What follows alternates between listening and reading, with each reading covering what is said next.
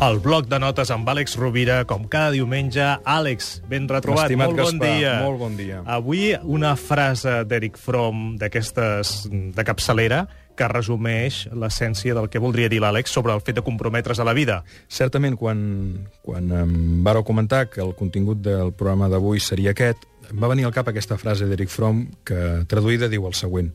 L'objectiu de la vida és néixer plenament, però la tragèdia rau en que la majoria de nosaltres mor sense haver nascut veritablement. Viure és néixer cada instant. I d'aquí m'agraden molt dues idees de Fromm. La primera és que l'objectiu de la vida és néixer plenament, com si certament visquéssim molt sovint adormits, o com deia Jung, la vida no viscuda és una malaltia de la qual podem morir. Um, viure desperts, adonant-nos-en, mirant d'estar de, de, conscients de tu mateix i a l'altre, perquè no pot haver-hi compromís sense confiança. I a la vegada, el compromís genera la qualitat. Per tant, atenció en el present, consciència en el present, confiança en que podem tirar endavant, i d'aquí naixerà el compromís que ens portarà, probablement, a que la vida, aquest ofici de viure, no?, que ens permet gestionar la vida i que la vida pugui esdevenir allò que volem que sigui. Com dèiem el cap de setmana anterior, no hi ha garanties. I què vols dir, Àlex, quan parles de despertar-se? Perquè eh, això es pot interpretar de moltes maneres, no? Un despertar espiritual, un... hi ha molts despertars, no? Jo crec que Viure amb és consciència. acceptar el que és, adonar-nos del que és. És a dir, tothom sap que s'ha de morir, però gairebé ningú s'ho creu. Um, aleshores, comencem per acceptar que algun dia morirem. Aquesta és la primera. I no, no pretenc posar-me gris, ni fosc, ni, ni, ni convocar la tristesa, però certament, a la que un accepta que és finit i que això algun dia s'acaba, es produeix un canvi de consciència pel qual valores molt més no només l'instant present, no només la vida que t'és regalada en cada instant, ens també les cames que et porten, la salut, eh, el fet de poder escoltar, de poder sentir, el fet de poder viure.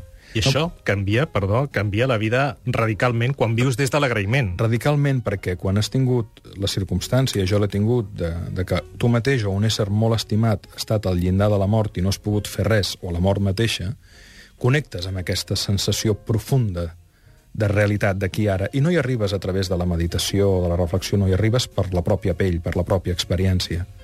Per tant, um, per què hi ha compromís amb la vida? Primera, per una presa de consciència que normalment et porta a la gratitud, en l'aquí i l'ara, i a l'acceptar el que és. A mi m'agrada molt aquella oració de la serenitat que diu Senyor, dona'm forces per canviar allò que puc canviar, serenitat per acceptar allò que no puc canviar, i sabidoria per poder dirimir quina és la diferència. Per mi l'ofici de viure consisteix en això, en saber què puc canviar i si vull canviar-ho, fer-ho per la meva feina, per la meva família, per la meva societat, per la meva nació, pel meu país, per la gent que estimo. Acceptar que és allò que no puc canviar, perquè últimament hi ha hagut molts discursos, no? De, de, de, jo no estic d'acord amb el discurs del secret, no? de, que, de que pots, allò que desitges ho tens, no, no és veritat. Crec més amb la llei de l'acció que no amb la llei de l'atracció, encara que, evidentment, existeix una part. No? I, per tant, saber què podem gestionar i què no podem gestionar i la saviesa per dirimir la diferència. I llavors ens podem comprometre amb la vida, en el sentit de que podem projectar fites, anels, propòsits, que mirarem de que siguin realitat. Aquest és el bloc de notes de l'Àlex Rovira a l'Ofici de Viure de Catalunya Ràdio. Podeu seguir-lo també a través de la seva pàgina al Facebook o al, o al web alexrovira.com. Àlex, moltíssimes gràcies. Moltes Que gràcies. tinguis molt bona setmana. Gaspar. Fins diumenge. Una abraçada.